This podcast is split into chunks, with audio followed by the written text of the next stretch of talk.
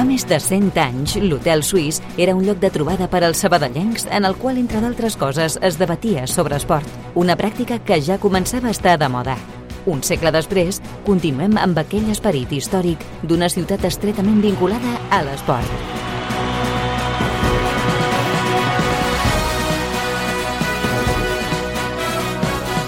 Hotel Suís, amb Adriana Royo.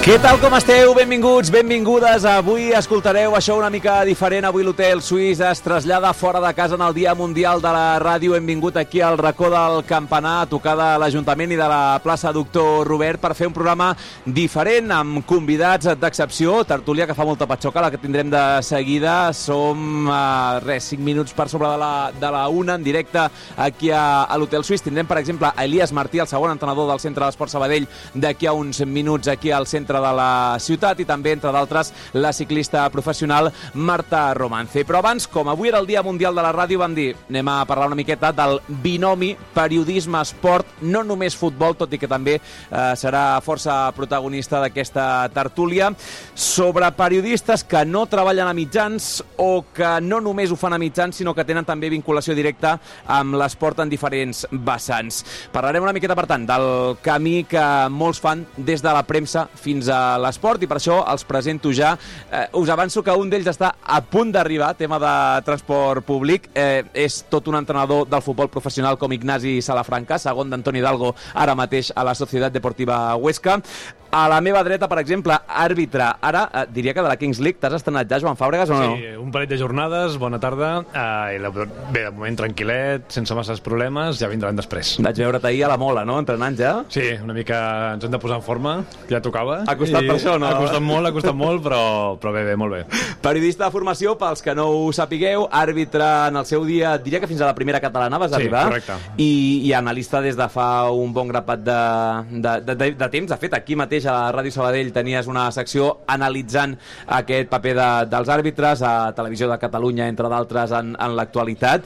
I, per tant, eh, clar, en el teu món, per exemple, no sé què pesa més a l'hora de poder dedicar-te al que et dediques, si la faceta formativa com a comunicador, l'arbitral o és una barreja de les dues coses? La veritat que entre àrbitres em veuen més com a periodista i entre periodistes em veuen més com a àrbitre, llavors estic una mica enmig de les dues coses i intento sempre tenir molta empatia cap al col·lectiu arbitral, com no pot ser d'una altra manera, però sense ser sense perdre aquell punt crític, perquè al final no m'agrada ser del tot corporativista, sinó analitzar les coses amb màxima objectivitat, basant les decisions que prenen en el reglament i, el que, i en les directrius que tenen, per tant intento estar navegant entre les dues aigües. Treballador durant molt de temps també a, a Mediapro, a la meva esquerra tinc a l'Àxel Torres, que és eh, periodista, no cal gairebé ni que el presentem, treballa a la SER, a Movistar, ha treballat molts, eh, amb molts periodistes que han fet aquest camí que dèiem ara des de, per exemple, eh, Marcador IN en el seu dia cap a diferents secretaries tècniques, cossos tècnics, etc dedicant-se professionalment al món del futbol i a més amb aquesta doble vessant de ser periodista i a la vegada gestor com a conseller de l'àrea esportiva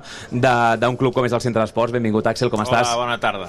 Uh, és un camí que molts periodistes, i tu ho has seguit molt de prop, han fet, això de començar amb, amb una branca més periodística i acabar cap, a la, cap al terreny de, de joc directament. Bé, a veure, ho han... sí, conec a molta gent que ho ha fet de manera completa. Jo, en realitat, visc del periodisme. El meu ofici és el periodisme, és uh, l'única branca que, que, em, que em dona diners, diguéssim, i, i de manera una mica anòmala, eh, degut a la diferència de categories que hi ha entre eh, les competicions que jo segueixo com a periodista i la divisió en la que està el Centre d'Esport Sabadell, doncs puc permetre'm aquesta, insisteixo, anomalia d'estar a la Junta, no? Eh, però vaja, el meu paper a la Junta no és un paper professional, és un paper que, que desenvolupo en el meu temps lliure, diguéssim, no? Per tant, eh, sí, eh, això que has comentat tu, jo ho he viscut amb, amb gent que efectivament eh, ha estudiat periodisme, ha començat a treballar el periodisme i ara està en direccions esportives, de clubs, el nostre director esportiu, sense anar més lluny, eh, i, i, en, i com, a, com a scout en clubs de primera divisió, sí, sí, conec molta gent que ha fet aquest camí segurament perquè ara mateix hi ha més diners al futbol que al periodisme. És més fàcil, no sé si és més fàcil, però, però et poden, els, els sous que, que, que hi ha al futbol, als clubs professionals, són sous eh, més dignes que els que hi ha en moltes posicions del periodisme, no? Doncs mira, tornaré a saltar a l'altra banda de, de la taula, acaba d'arribar, no sé si és que ja no, no recordava el que era el transport públic aquí a Catalunya o no, perquè l'hem tingut entre Sevilla i Òscar recentment. Ignasi Salafranca, segon entrenador de la Societat Deportiva Huesca, com estàs? Eh, molt bé, Adri, bon dia. Benvingut. Uh, clar, tu ets periodista de formació, tu vas estudiar periodisme, tu has fet la beca RAC1, per exemple, tu vas fer també una secció en el seu dia a Ràdio Sabadell, tot i que ja amb un punt de trampa, perquè ja havies estat com a, com a assistent aquí al centre d'esports i et coneixíem per aquesta vessant més del futbol que no pas per la periodística. Salvarem el Huesca o no aquesta temporada? Sí, sí, sí. Segur, sí, sí. eh? Sí, sí, les sensacions són bones i, i bueno, al final la segona divisió és duríssima, però, però allà estem i més ens val salvar-lo. Veniu de jugar al Pepi Comat, per tant, de veure els Xavi Moñino, Yamaka i Pedro Capó i companyia. Bon empatet o no? Sí, bueno, qui va veure el partit o el resum. Jo crec que coincidirà amb que vam tenir suficients ocasions com per guanyar però bueno, al final abans del partit vas a Elda, que és un camp complicadíssim crec que porten 8 partits sense perdre al final puntuar allà és important sempre i quan ho facis, ho facis bo ara a casa contra la Morevieta. Que és diumenge i per això estàs aquí, perquè teniu sí, sí, sí, dies tenim, de descans, que la gent no, no s'espanti. I em faltava per presentar també a l'Albert Robledillo, periodista de Can Uriac, durant molts anys treballant a l'esportiu, també va fer una secció de bàsquet, en aquest cas a, a Ràdio Sabadell en el seu dia amb un to més humorístic i que des de fa un temps, tercera temporada m'has dit Albert, com estàs?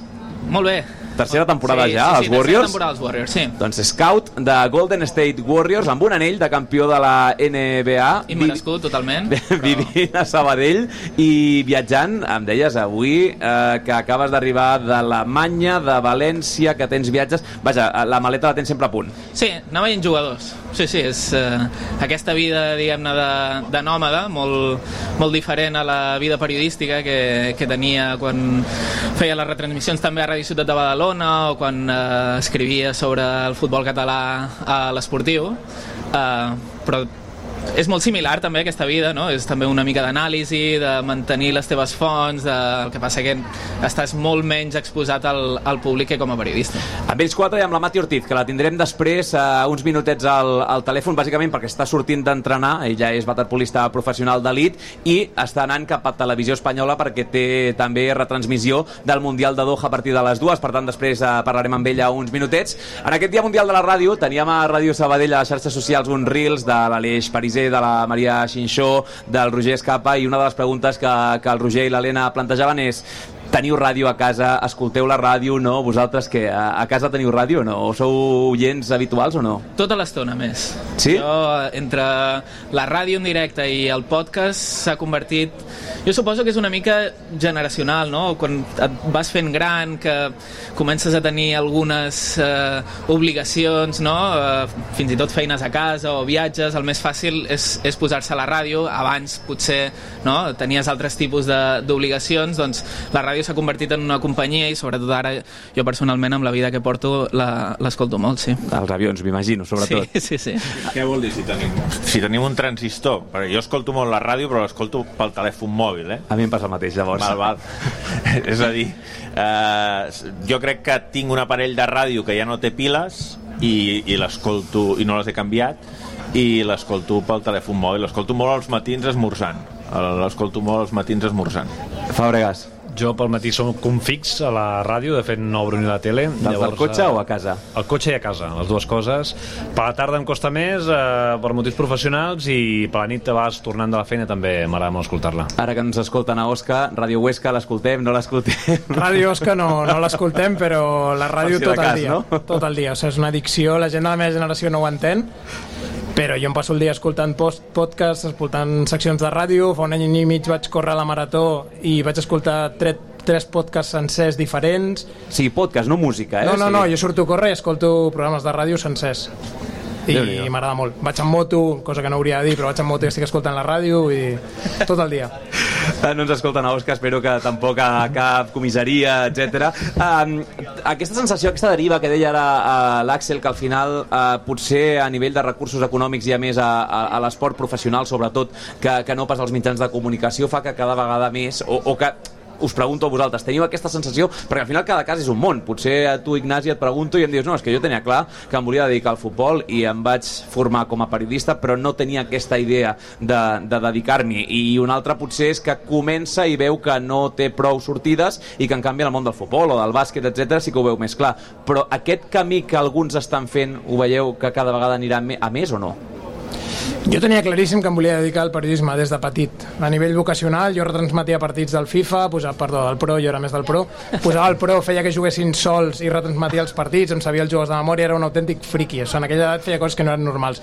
El que passa que, bueno, després vaig tenir molt clar, els meus pares, bueno, em van, em van apuntar a Blanquerna perquè al final veien molt clar que era el que jo volia fer, però sí que és veritat que a la vegada vaig anar descobrint el món d'entrenar, de, m'agradava molt, més a nivell de hobby, perquè al final jo aquella època m'ho feia més amb, amb nens petits, cosa que tampoc em donava un gran sustent econòmic. Evidentment jo sabia que allò tenia una data caducitat perquè no podia estar sempre amb aquells 200-300 euros que et donava el futbol base fins que va aparèixer Don Antonio Hidalgo. Vull dir, va ser com, com una llum en aquell túnel i, i se'n va alinear tot per, per al final permetre'm el que estic visquent aquests últims 4 o 5 anys, que és el futbol professional. Sonen campanes i tot a Sabadell. Ha estat i Antoni Hidalgo i han sonat les campanes a, a la vegada coincidint. Uh, Albert, per exemple, tu uh, veus que tu has fet el pas decididament, tu, tu has triat que no volies continuar dedicant-te al que et dedicaves i que li veies més futur o, o era més engrescador o més motivador anar en el teu cas al bàsquet? Ah, jo em vaig cansar del periodisme perquè les condicions eren paupèrrimes uh, i, i la realitat que jo tenia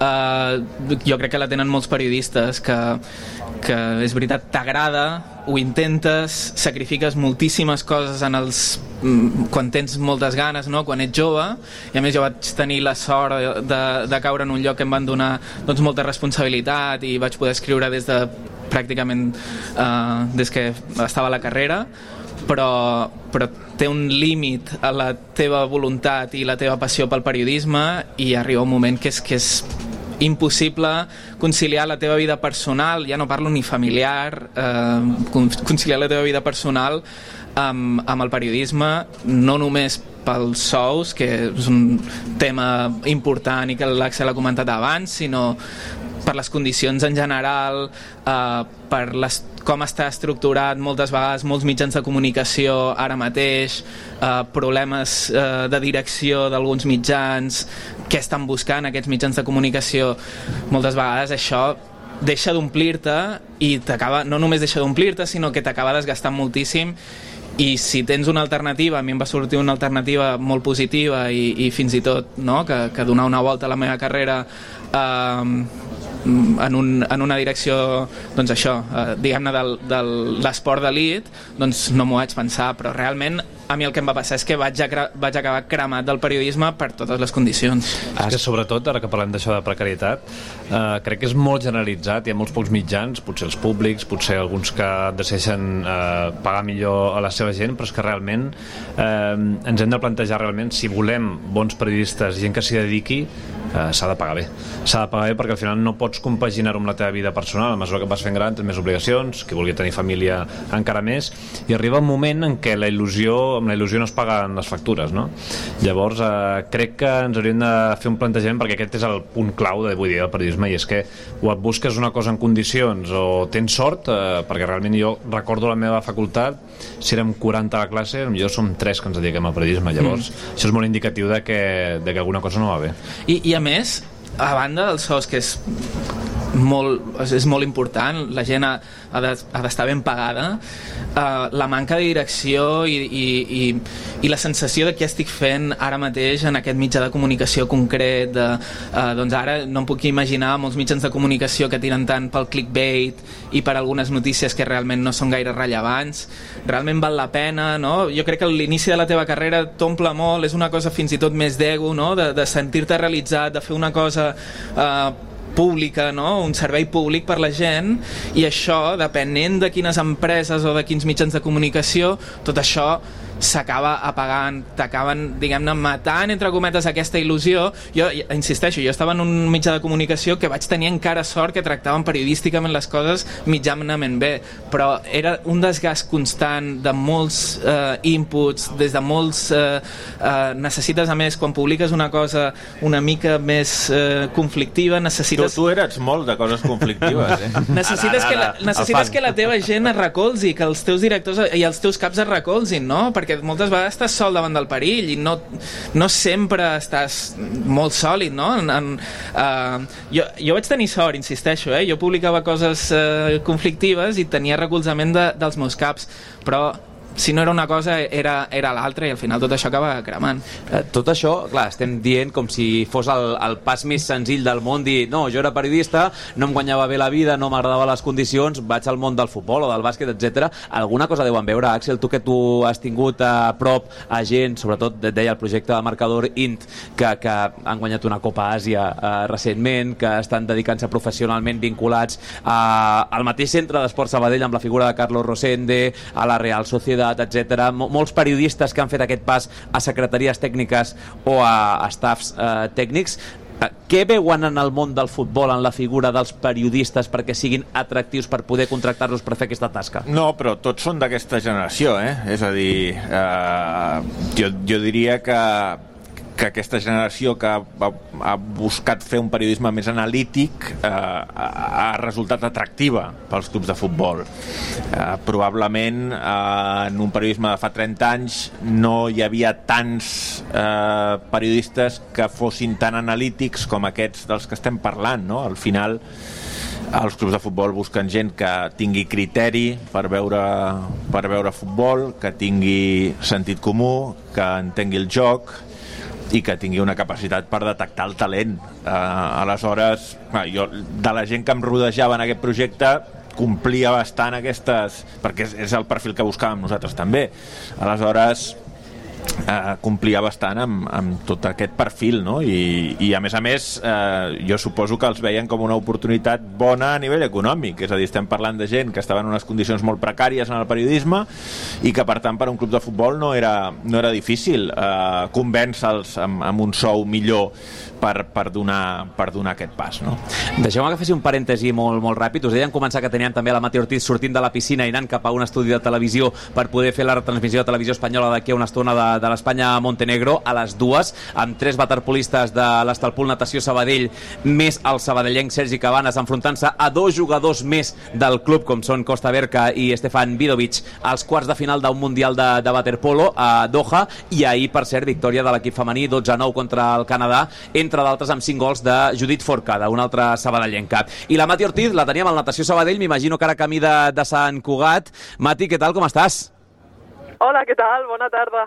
Arribant a la tele, no? M'imagino? Sí, de fet he parat, eh? He parat el cotxe, no estic conduint i llavors així us puc contestar tranquil·lament, però pràcticament a la Però, tele sí. Eh, si han de multar algú que sigui l'Ignasi, que ha dit abans que, que la ràdio la seguia escoltant mentre anava en moto, però la Mati ha fet el que tocava. Uh, no trec molt de temps, Mati, waterpolista d'elit, uh, subcampiona olímpica, campiona del món, campiona d'Europa, el currículum és llarguíssim, i també periodista de, de formació, i a més amb aquesta doble vessant que des de fa un temps temps estàs fent com a analista a les retransmissions de televisió espanyola, eh, has aconseguit eh, vincular les dues passions o, o el que és la teva vessant professional del waterpolo amb la comunicativa. Sí, i estic supercontenta per això. Al final, la televisió espanyola em va donar aquesta oportunitat, òbviament també doncs, arrel de, de ser esportista d'elit i d'haver estat tants anys també a selecció i per mi doncs, realment és un goig i un plaer poder compaginar des de que vaig deixar selecció a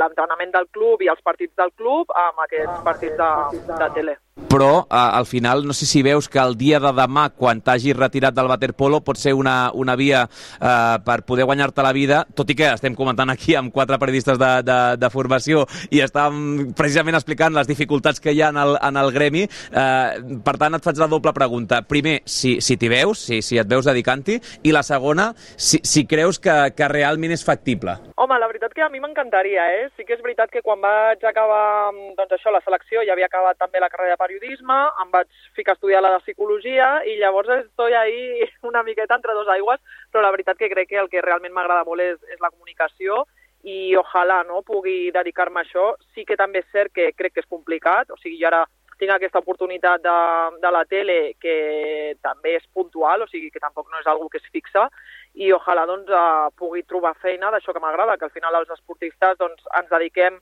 cada dia a l'esport, però quan això acaba doncs, també hi ha un camí a seguir i, i esperem que sigui aquesta, amb, amb una altra passió. Doncs tant de bo, tant de bo que sí. No trec molt més temps, simplement una més, Mati, no fos cas que a sobre arribis tard ara al, al directe. Uh, Fes-me allò, una pinzellada ràpida de com va el, el Mundial. Les noies les tenim ja uh, a dos partits de, de l'or. Ha caigut el vigent campió Països Baixos ahir contra Hongria, però déu nhi el rival a semifinal serà Estats Units. I en el cas dels, dels nois, avui contra Montenegro, com, com veus? Hi haurà doble medalla, no, i, i de quin color? Home, confiem que sí. Jo espero que els dos siguin ors, perquè realment crec que el waterpolo ara mateix està en un nivell molt, molt alt, uh, aquí estatalment i, i també als clubs, no? que al final sempre has d'agrair la feina que es fa als clubs, perquè de vegades quan estan a seleccions oblidem, i doncs avui, òbviament, serà un partit més complicat per als nois, és, és un partit de quarts, però també crec que és bastant assequible el rival que tenen, eh, Montenegro, i més amb el nivell que porten. I les noies, doncs, eh, el que tu has dit, és sorpresa que, que a Països Baixos caigués contra Hongria a penals, però bueno, han de fer pas a pas. Tots sabem que quan estem aquí a mundials europeus o en el nostre cas al club com els d'Europa i de més, qualsevol partit és molt dur i amb aquests resultats es veuen. Per tant, pas a pas, elles ja estan a semis, han de jugar-les, i els nois a, a quarts, veurem què passa avui, d'aquí una estoneta, i, i res, us convido també a tots a que, a que seguiu el waterpolo, que vosaltres a Ràdio Sabadell la veritat que ja ho feu. Mira, acabem el programa a les dues, o sigui que ens va perfecte per anar a veure la retransmissió. Mati, gràcies, que vagi bé, una abraçada. Gràcies a vosaltres i feliç dia de la ràdio. Abraçada, Igualment per, per tu, una abraçada. Uh, Ignasi, uh, estem parlant tota l'estona del que aporta el periodisme al futbol o a l'esport en general. Al, al revés, algú que ha fet el camí de ser periodista que des de nen volia ser-ho i que es veu en un staff professional a segona divisió ara mateix, haver-te format com a periodista, què t'aporta, si és que t'aporta alguna cosa en el dia a dia? A mi m'aporta molt a nivell comunicatiu, moltíssim Sí, al final no, no és per ser pedant ni molt menys, però compares una mica amb, la gent que et rodeja, amb el teu voltant, i a nivell comunicatiu jo crec que adquireixes uns, uns recursos i unes habilitats i sobretot un ventall de, de paraules, de vocabulari, de maneres de, de comunicar-te, d'arribar a la gent que, que moltes vegades és difícil de, de trobar o de tenir si no, si no els has après abans o no els has treballat. Jo crec que aquesta és la principal la principal no avantatge, sinó la principal virtut que tenim els que, els que ens hem format en comunicació i després hem anat a parar a altres àmbits. I havent estudiat això i estant a l'altra banda, un està més pendent encara o menys o ha de filtrar una miqueta el que publiquen de la vostra feina? Mm, bueno, no, pendent no. A veure, evidentment sí que, sí que estàs pendent perquè jo crec que és un dels vicis que vam amb, amb l'ofici i, amb la, i amb la passió a nivell vocacional de, de que t'agradi el món de la informació, estàs molt pendent, molt més segurament que d'altres que, que li donen menys importància. El que passa que jo empatitzo molt amb, amb el, empatitzo molt amb, amb, amb els dos cantons ara mateix. Abans segurament quan era més periodista em costava molt més entendre els altres i entenc que algú que no ha estat mai en el món de la comunicació i en el món de la informació li costa molt entendre els periodistes. I jo estic com una mica entre dos aigües. Empatitzo molt, evidentment que hi ha, hi ha extrems, hi ha situacions en les quals és, és difícil entendre segons quines conductes, però, però jo sóc capaç d'entendre tant a uns com als altres. Fàbregas, no riguis, sí, no, no riguis perquè... Que està... Els àrbitres li costava, li costava una mica als àrbitres a l'Ignasi, però cada cop més, oi? Em costa, encara em costa una mica, però bueno, tinc dies, tinc dies de tot. Robledillo, a tu el periodisme, haver-te dedicat a més professionalment, t'aporta alguna cosa en el dia a dia o no? Sí, ja deia que, que la meva feina és semblant, eh, la de scout és semblant a la de, a la de periodista, perquè m'he de relacionar amb les fonts, he de tenir informació privilegiada dels jugadors als quals estic mirant i he d'entendre les situacions mm, i després la comunicació com deia l'Ignasi, és molt important perquè necessites adreçar-te als teus caps que moltes vegades tenen 14.000 feines um, més enllà d'escoltar-te tu i necessites ser molt concís, necessites mm, dir les paraules exactes, uh, necessites fer entendre a tothom que aquell jugador és d'aquesta manera o és d'una altra. I, I jo per això crec que la transició d'una feina cap a l'altra per mi ha estat natural precisament per, per, per això. Vaig repetant el tema, sobretot amb, amb l'Àxel, que al final ha qüestions d'agenda i hem de continuar també amb el programa. Um, Preguntant-vos de cara al futur, estem parlant de precarietat laboral, estem parlant de poques oportunitats o sous que no van segurament amb, amb correspondència amb, amb la formació uh, universitària que hi ha al darrere de periodistes, estem parlant que potser en el món de l'esport un té més oportunitats si té aquest perfil que no pas en el periodisme clar, el futur no, no fa ser molt esperançador. No sé com, com veieu el, el, la deriva que pot agafar el periodisme. Bé, jo crec que ningú sap, no? Perquè és una època de transformació. És a dir, eh, jo quan vaig començar a estudiar els mitjans digitals pràcticament no existien. De fet, el, el que t'ensenyaven a la facultat era radicalment diferent del que ara mateix eh, passa. És a dir, t'explicaven que els titulars havien de ser molt explicatius, eh, molt, eh, molt clars a l'hora de donar la informació i ara els titulars que es fan servir a la premsa digital eh, són tot el contrari, és a dir, el que pretenen és que no sàpigues de què s'està parlant perquè cliquis, no? Per tant, hi ha hagut un canvi de paradigma molt gran.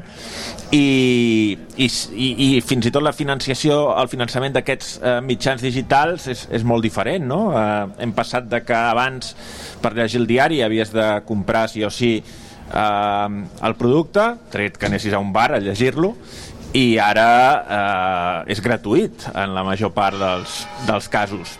Per tant, jo crec que ningú sap cap on va la indústria. Hi ha molts canvis, eh, jo crec que és molt difícil que no segueixi existint precarietat, és eh, una evidència que cada any es llicencien molts més periodistes que llocs de treball hi ha, eh, és a dir, es llicencien més periodistes que periodistes deixen d'exercir i, i per tant eh, seguirà sent una professió eh, bastant complicada. Mm. -hmm. Dos quarts de, de dues, t'allibero Axel, uh, l'Ignasi et dirà que et recomana anar en ferrocarril més que no pas en Renfe per experiència d'anar de Barcelona sí, cap aquí. només eh, una cosa, l'Ignasi va fer una, un càsting eh, al meu programa de ràdio. Sí o no? Sí, sí, sí. sí, sí, sí, sí, sí, sí, sí. No el va passar? O... No el va passar. No, no el va passar. passar. No, no el va passar. Per què no, per què no el va passar? No el va passar perquè era de narració i ell ja se'l veia molt més analista que narrador. És a dir, feia un, va fer una narració en què es, eh, jo crec que, que ell era més eh, comentarista que narrador i, i, i bé, no, per això no el va passar, però li ha anat bé no passar-lo. No? I tant, i tant. És a dir, ara, no. és, ara és el... el Li haurem d'agrair encara. la, la, la, mà, Sí, sí, sí, ara és sí. la mà dreta d'un entrenador de prestigi que us estic seguint molt. Em preocupa que jo crec que teniu poc gol a davant, em preocupa una mica això, però l'equip és molt, està molt ordenat, és molt sòlid, defensivament és molt bo, Uh, bé, jo crec que esteu fent un bon treball i, i tant de bo acabi bé. A veure, Per cert, eh, Axel, eh, una última que, a la línia del que deies ara, de, del fet de- d'haver compartit camins conjunts prèviament, el fet d'haver treballat en un projecte periodístic amb Carlos Rosende i de compartir ara un de futbolístic amb ell, no se us fa una mica estrany el- el- el estar en un àmbit diferent? Com... No, no, perquè jo durant, a més a més, molt de temps en aquell projecte, ell va ser la persona en, en qui jo tenia més confiança i era la meva mà dreta. És a dir, estava molt acostumat a, a tenir aquesta relació amb ell, d'explicar-nos-ho tot, de, de qualsevol cosa que sorgeixi parlar, de parlar cada dia molta estona.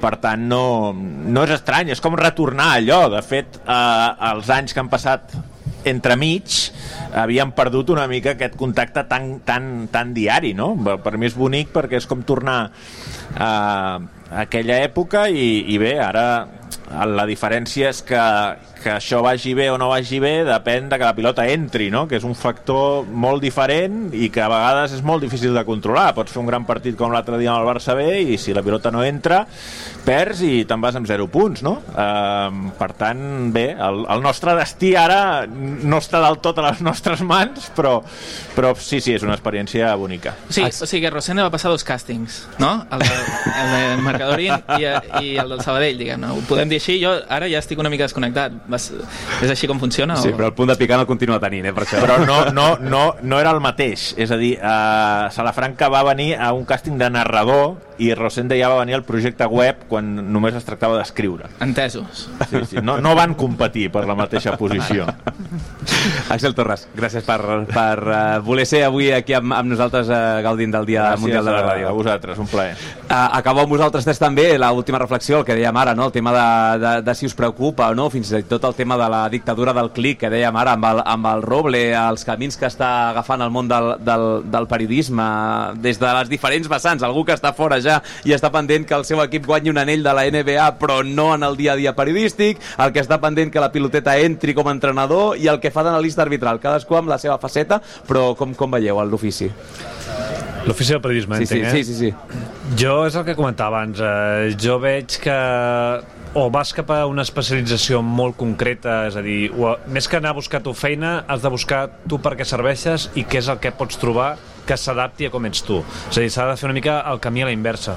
Llavors, jo he aconseguit fer-ho perquè el tema arbitral és molt específic, que tampoc hi ha molta gent analitzant aquest tema, i m'he pogut més o menys situar tot arreu, però com a periodista generalista Uf, uh, costa, costa i crec que algú s'hauria, en comptes d'agafar totes les ofertes de treball que hi ha, hauria de fer la reflexió de per què va el guió, on podria estar bé allà i vendre's ell mateix, no? Jo penso que a dia d'avui no es tracta tant d'anar a fer anar a passar entrevistes, sinó de que tu mateix puguis oferir la teva feina, les teves qualitats perquè et vegin com una persona indispensable en aquella empresa. Doncs és una bona reflexió. Ignasi, tu què? Jo una mica en la línia del que comentaven el, el Joan i l'Àxel, crec que el canvi de paradigma és molt complicat, crec que les, pre- la precarietat laboral és la que és i no la canviarem d'un dia per un altre. A més, jo, per exemple, personalment consumeixo pocs mitjans generalistes perquè sé com funcionen, sé els interessos que hi ha darrere, cosa que és, que és inevitable, perquè al final forma part del negoci, intento consumir molt més podcasts, seccions, sec- seccions específiques, gent que millor treballa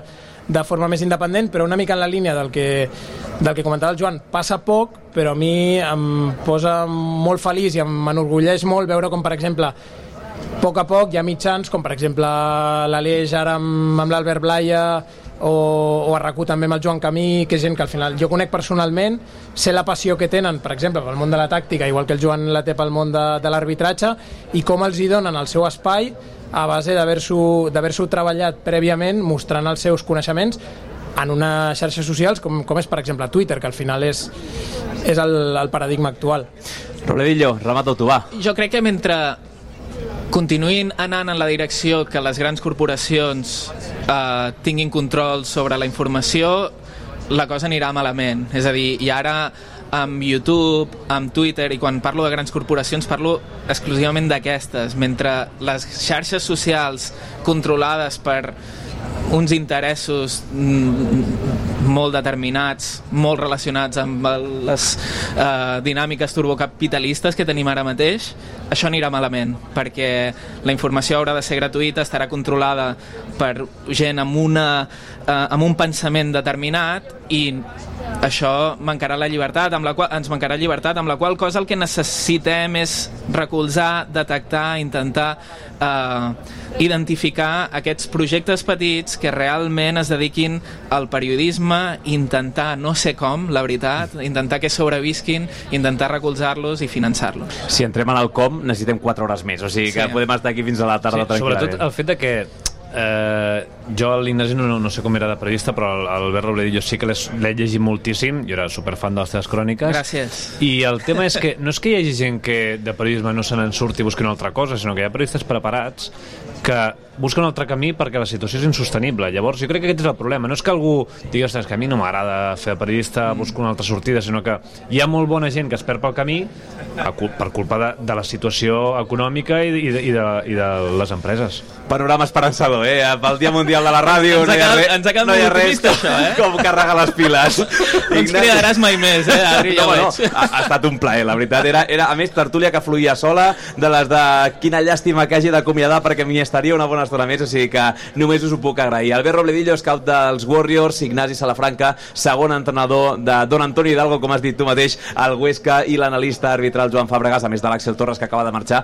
Gràcies i res, que gaudiu de, del dia de la ràdio. Fins la propera. Igualment. Publicitat i a la tornada, Elias Martí, segon entrenador del Centre d'Esports aquí.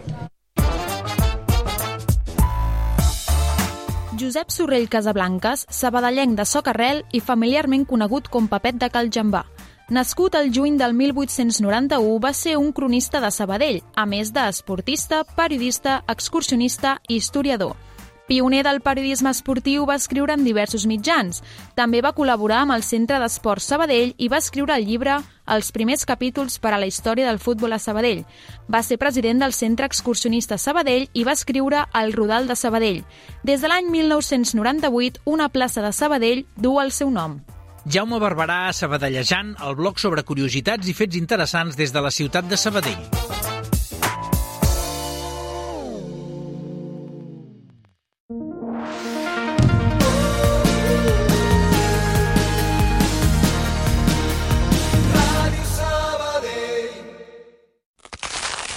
Ets un panarra. T'agrada el pa de debò, cruixent amb molla esponjosa i l'aroma de l'autèntic pa. A Valero també som uns apassionats del pa. Del pa de veritat, del de sempre, del que vam aprendre a fer fa més de 60 anys. Per això, elaborem les nostres especialitats com abans, respectant la tradició, perquè puguis tornar a gaudir del plaer de menjar pa. Perquè a Valero som forners. Som del Sabadell. Agafa l'autobús. Viatja amb l'Atus. Trajectes més ràpids i directes, més connexions entre barris, nous horaris per afavorir l'intercanvi entre línies. Estalvia temps. Estalvia diners. Agafa l'autobús. TUS, Transports Urbans de Sabadell. Dia Mundial de la Ràdio. 13 de febrer. 100 anys de ràdio a Catalunya. Des de la Federació de Ràdios Locals volem reivindicar el paper de les emissores de proximitat al nostre país. Som professionals. Som referents. Som plurals. Som a prop. Expliquem en primera persona què passa a les nostres comunitats.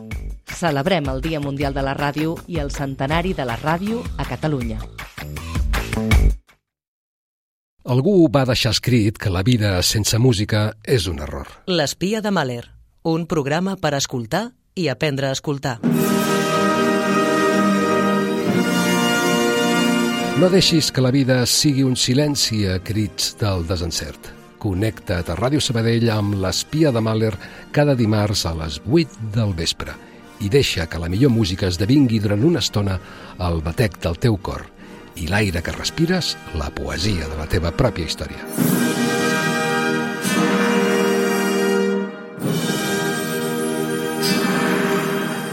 És aleshores que podràs dir que la vida és un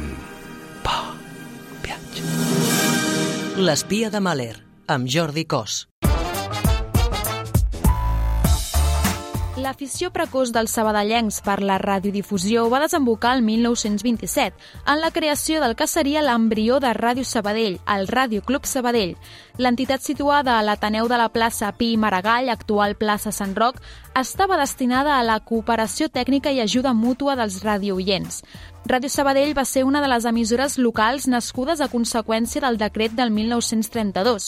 L'Ajuntament contribuïa amb una subvenció de 1.000 pessetes a pal·liar les despeses generades a instal·lat l'emissora. El 5 d'agost del 1933 a les 7 de la tarda, durant la Festa Major de Sabadell, s'inaugura oficialment l'emissora d'una mitja, Ràdio Sabadell EAJ20. A l'acte van assistir personalitats sabadellenques, polítics, intel·lectuals, tècnics i, és clar, periodistes. Susana Ferrada, llibre Ràdio Sabadell EAJ20 1933-1995. Clara, la seva veu i també la del Pau Duran, descobrint una mica de la història radiofònica de la ciutat de Sabadell. Sabia jo que la tertúlia s'allargaria. Després de la tertúlia, al meu costat ja tinc a una persona natural de Llosa de Ranes, la comarca de la costera València, a prop de Xàtiva, l'Elias Martí, segon entrenador del Centre d'Esport Sabadell. Què tal, Elias, com estàs? Hola, bon dia.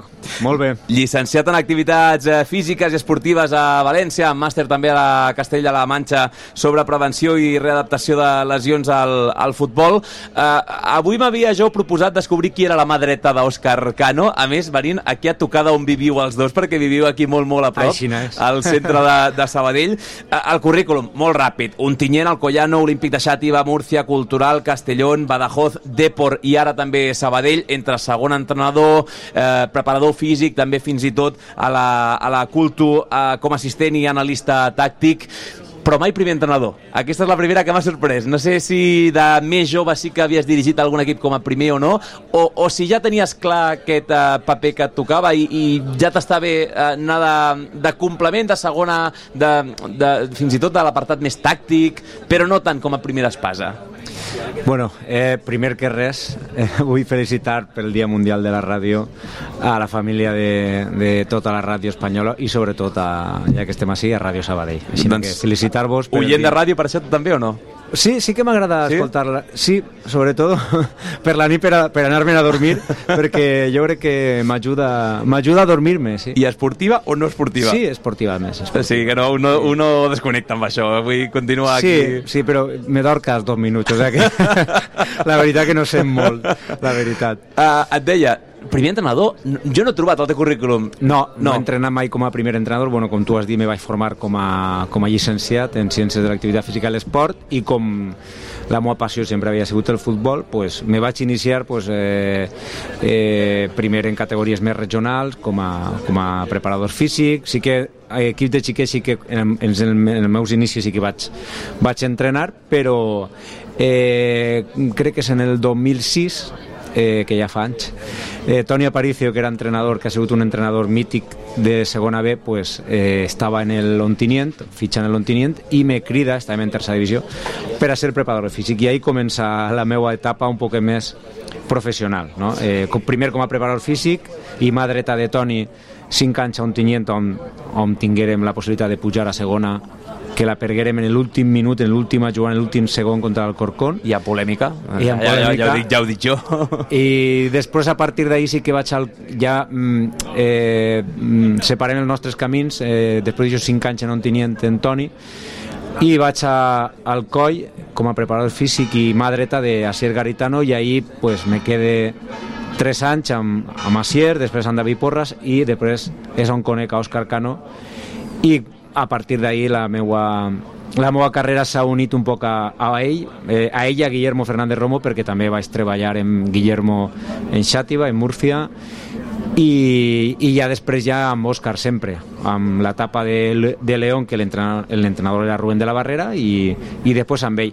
Eh, jo crec que és que he trobat el meu lloc amb, amb ells, tant amb Guillermo com amb Òscar, no? perquè amb Guillermo primer també vaig estar molt a gust i després ja és veritat que he treballat més temps amb Òscar i he, he, treballat, he trobat aquest espai en el qual estic a gust, estic còmode, mm, desenvolupe la meva professió mm, de manera pues no sé, com m'agrada a mi i, i com jo sent que el, el futbol i la veritat que estic content. Si m'ho he plantejat, pues bueno, a, a vegades este any, abans de vindre a Sabadell, vaig tindre una proposta d'un equip de primera res per a ser primer entrenador. Eh, me ho vaig plantejar eh, i el que passa és que va arribar pràcticament al mateix moment que l'oferta del Sabadell aleshores vaig decidir continuar amb, amb, amb aquest grup de treball amb Òscar i també amb Carlos amb els quals es uneix també una ideologia futbolística pareguda i bueno, vaig pensar que tal vegada era millor treballar amb equip i vindre un club com històric com el Sabadell que, que anar a aquest altre club que, que tenia que anar a soles. Mm. Uh, llegia una entrevista, bé, un article a la Voz de Galícia de la vostra anterior etapa i deia Òscar Cano, de mà dreta res, és una peça fonamental, Elias, i de fet amb els jugadors, diferents jugadors d'aquell Deportiu de la Corunya que deien, uh, clar, potser l'encarregat més de l'aspecte psicològic, mental, etc és el, el míster, és Òscar Cano, i el de la tàctica és Elias Martí. No sé si resumeix bé o no el que és el perfil del actual segon entrenador del Sabadell. Eh, pot ser. Eh, la veritat que jo sóc un poc friki de tot això, no? Del tema de l'anàlisi, sóc una persona que, que m'agrada controlar-ho tot moltíssim, m'agrada tindre-ho tot, tot en el, en el cap, no?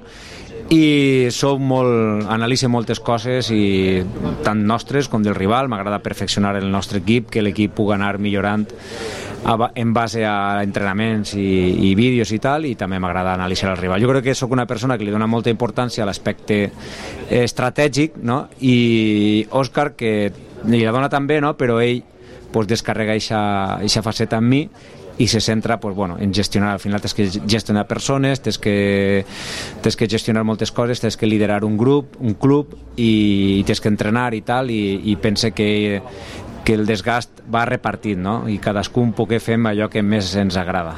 He, he vist que eh, cap dels dos ha fet una carrera futbolística amb les botes posades fins a primera divisió ni, ni molt menys, eh, però que Òscar Cano era migcampista ofensiu i Elias Martí era lateral. No sé si això es nota després com a entrenador o no en la mentalitat dels dos. Òscar diu que sí. Sí.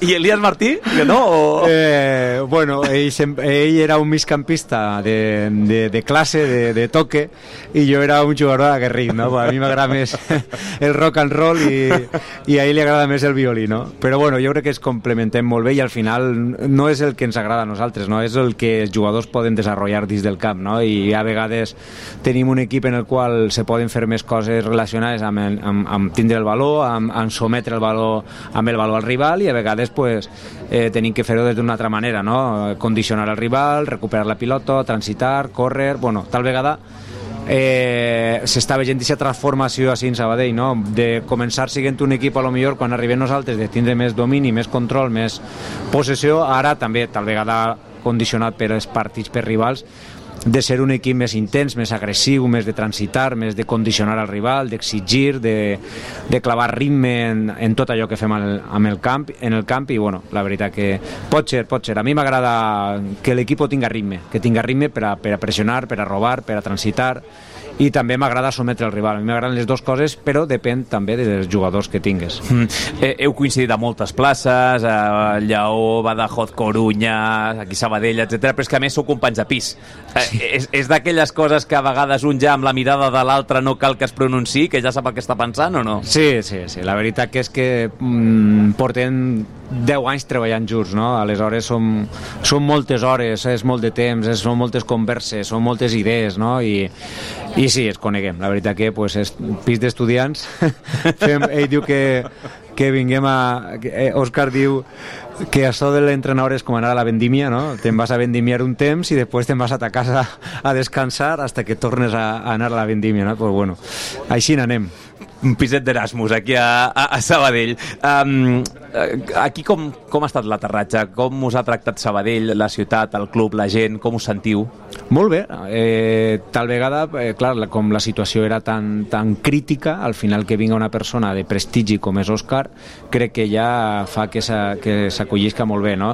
I si unixes després que l'equip estava pues, en una situació molt compromesa perquè està en junt de la salvació, amb un, un calendari complicat i tal, i tenien que pegar-li la volta de manera ràpida perquè volíem millorar el, la plantilla en el mercat i, clar, per a millorar la plantilla en el mercat tenies que intentar que els jugadors vegeren que això se podia salvar, no?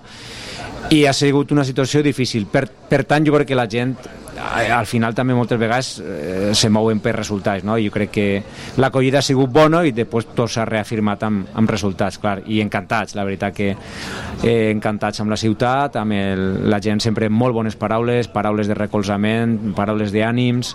I la veritat que estem, estem a gust, estem bé, tant amb la, la gent de, de Sabadell, els aficionats, com la gent del club, eh, la gent del cos tècnic i la veritat que n'hi ha molt bon rotllo i ens portem molt bé amb tots. Quan, quan vau arribar recordo que van fer molt el símil de dos clubs històrics en una situació fotuda, eh, hi havia moltes similituds amb el, amb el vostre aterratge a Castelló.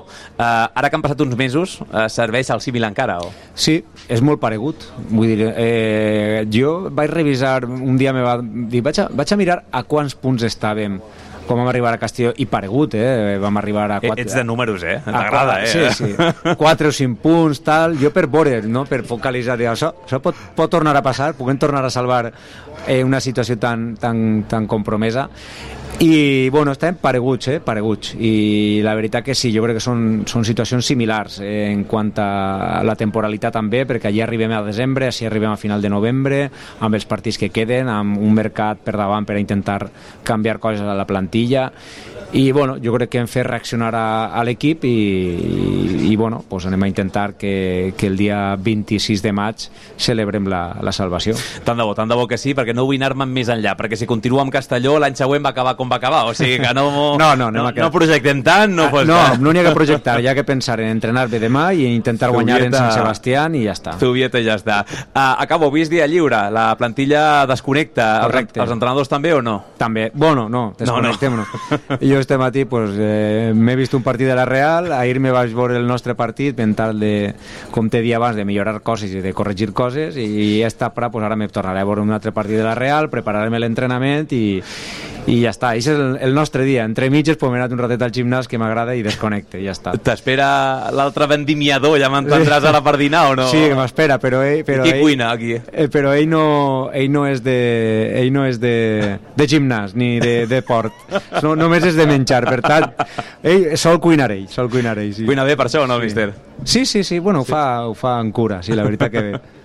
Elias Martí, mà dreta i peça fonamental agafant les paraules d'Òscar Cano en l'etapa del Deportivo segur que serveix també per aquí pel Sabadell que volíem descobrir aquesta figura del segon entrenador. Tindrem temps segur per davant per poder parlar en més ocasions però crec que és una bona carta de presentació de, de qui s'aixeca quan toca una jugada d'estratègia de qui xerra amb l'entrenador quan toca decidir un canvi d'aquest complement d'Òscar Cano. Gràcies per haver viscut també aquest dia de la ràdio nosaltres. Gràcies a vosaltres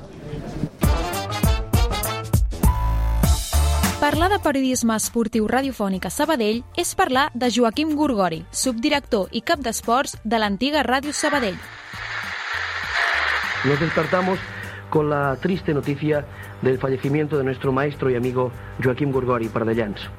Con Gori, todos quienes estamos aquí aprendimos a querer la radio como algo más que una profesión.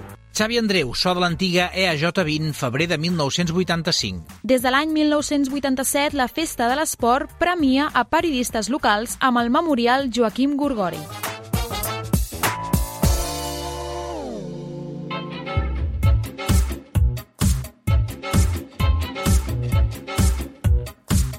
I avui acabarem parlant de ciclisme. Eh, és una imatge que la veritat és que m'agrada molt. L'hem vist també amb el Raül Rota, amb el David Domínguez, eh, esportistes de Sabadell que van entrenar i amb la mateixa roba de, de fer feina, que venen directes amb la bici i tot. Avui és la Marta Romance qui ens acompanya per acabar el programa. Marta, què tal, com estàs? Bé, molt bé, molt contenta. Amb un mallot, amb una vestimenta diferent de la de l'any passat, per exemple, amb el Massi Baster. Què tal l'adaptació al teu nou equip? Bé, molt contenta, la veritat, i ja vam fer la concentració, va anar superbé i d'aquí res ja comencem. Fa res un any que fèiem la notícia del teu salt al ciclisme professional, va ser un any de turbulències amb dos equips diferents, etc. I ara fa uns mesos que ens deies, eh, jo aparco el duatló, aparco el triatló, em centro en el ciclisme professional, si vull ser ciclista professional eh, he de dedicar-m'hi exclusivament. Què tal va aquest procés? Eh, a veure, és dur perquè al final estaves acostumat a fer podis i tal, i al final, al fer el pas, pues, sempre hi ha un moment de transició, però supercontenta. Clar, és que al final eh, Giro Toscana, Giro d'Emília, de, de Tour de Flanders, Paris-Roubaix, Fletxa Balona, Trevali Varesine, o sigui, has estat a, a clàssiques europees amb, amb un total de 15 proves internacionals durant el 2023. Ha estat un any de... Suposo que allò, com, com la L de l'autoescola, de treure-te-la, no? ja no sóc aquí ciclista novell, sinó que ara ja és el segon any i per tant no sé què esperes d'aquesta temporada que estàs a punt de començar. Home, doncs espero que tota l'experiència de l'any passat es vegi. Crec que no vaig treure el meu potencial perquè al final, estant al pilot, era un estrès i al final et... és com que treia l'energia per dins, però bueno, moltes ganes de començar ja i d'aquí dos dies comencem. Demà marxes a València. Demà marxo a València. I comences demà passat amb aquesta setmana ciclista de volta femenina a la comunitat valenciana. Com, com l'afrontes, com arribes? Pues crec que arribo molt bé, eh, estreno un nou equip, con noves companyes i anem a per totes. I, I en general el calendari el teniu ja decidit, no? Uh, en general, de tota la temporada, sí, sí, ja, ja està bastant establert i tenim moltes competicions. Per exemple, algun moment que diguis, mira, el pic de forma el vull per aquesta competició. o Volta a Catalunya. Volta a Catalunya, és tot Volta cap a al riure aquí a casa, no? Sí. Eh, amb quina idea afrontes el, el calendari? Deies ara, aquest punt de, de maduresa, si es pot dir, perquè realment ets molt jove, no? però que es noti. Com, com s'aconsegueix això? Bueno, jo aquest any el meu objectiu és molt sobretot aprendre, aprendre a fer de gregària però fins al final, no només repartir bidons. I el meu objectiu és a la Volta a Catalunya posar la Molina, que serà la segona etapa, pues, poder acompanyar la meva líder fins al final. Hmm. Fa 18 setmanes, des de l'octubre, que no et vesteixes un dorsal. Uh, hi ha nervis abans de, a més, estrenant equip, etc o no, en els dies previs? Home, sempre n'hi ha, però hi ha moltes ganes. Sí? Sí. I, i per exemple, a València, amb, amb, amb, tens algun objectiu de classificatori o de, o de ritme, d'agafar quilòmetres? O... Bueno, al final és veure on estic, perquè al final és un pilot que canvia molt, és la primera, no sé com estarà la gent, llavors, bueno, està en carrera sobretot i els objectius de l'equip, així que tenim, és deixar-nos veure en escapades, llavors suposo que a mi em tocarà fer aquesta labor, o no ho sé, encara no ho sé. I, i buscar pues, classificacions, classificacions secundàries com podrien ser uns, uns sprints intermedis o alguna cosa així. A més, amb, amb els canvis que va haver l'any passat, a nivell de mentalitat, tu vas començar al ZAF Cycling Team, eh, l'equip va acabar com va acabar, vas fitxar després pel Born to Win d'Itàlia, ara tercer equip en pocs mesos. Suposo que també deus desitjar un punt d'estabilitat, no? Sí, crec que en aquest equip ho trobo. Llavors, contenta, molt contenta. I acabo ja amb, amb això. Uh, algun consell que t'hagin donat en les, les primeres, la concentració, els primers entrenaments de la pretemporada de, dins de l'equip? Que confia en mi. Que I, I que tot sortirà bé. doncs Marta Romance, que uh, el Roger t'ha fet quatre fotos ja, oi? Sí, sí. que les veurem a xarxes socials segur durant el dia d'avui. Que tinguis molta sort amb aquests colors. Demà a quina hora marxeu? A les 9 i mitja em recullen. Ah, perfecte. I en, encara dona temps quan arribeu allà d'entrenar una miqueta sí, o no? farem dues horetes. Doncs un parell d'horetes. Que vagi molt bé allà a València, que vagi molt bé amb el Massi Baster i que tinguis molts èxits, que això és una carrera que acaba de, de començar. Moltes gràcies. Amb ella hem arribat pràcticament a les eh, dues. Tinc la Núria Garcia ja aquí a la meva dreta. Per tant, el que fem és acomiadar l'Hotel Suís que hem fet aquí en el Dia Mundial de la Ràdio des del racó del Campanar amb la feina del Toni González al control de so aquí, a l'estudi de la Rocío García, del Roger Benet i l'Helena Morís a nous formats i tota la redacció d'Esports de Ràdio Sabadell. Ara les notícies amb els informatius. Que vagi molt bé. Adéu-siau. Salut i ràdio.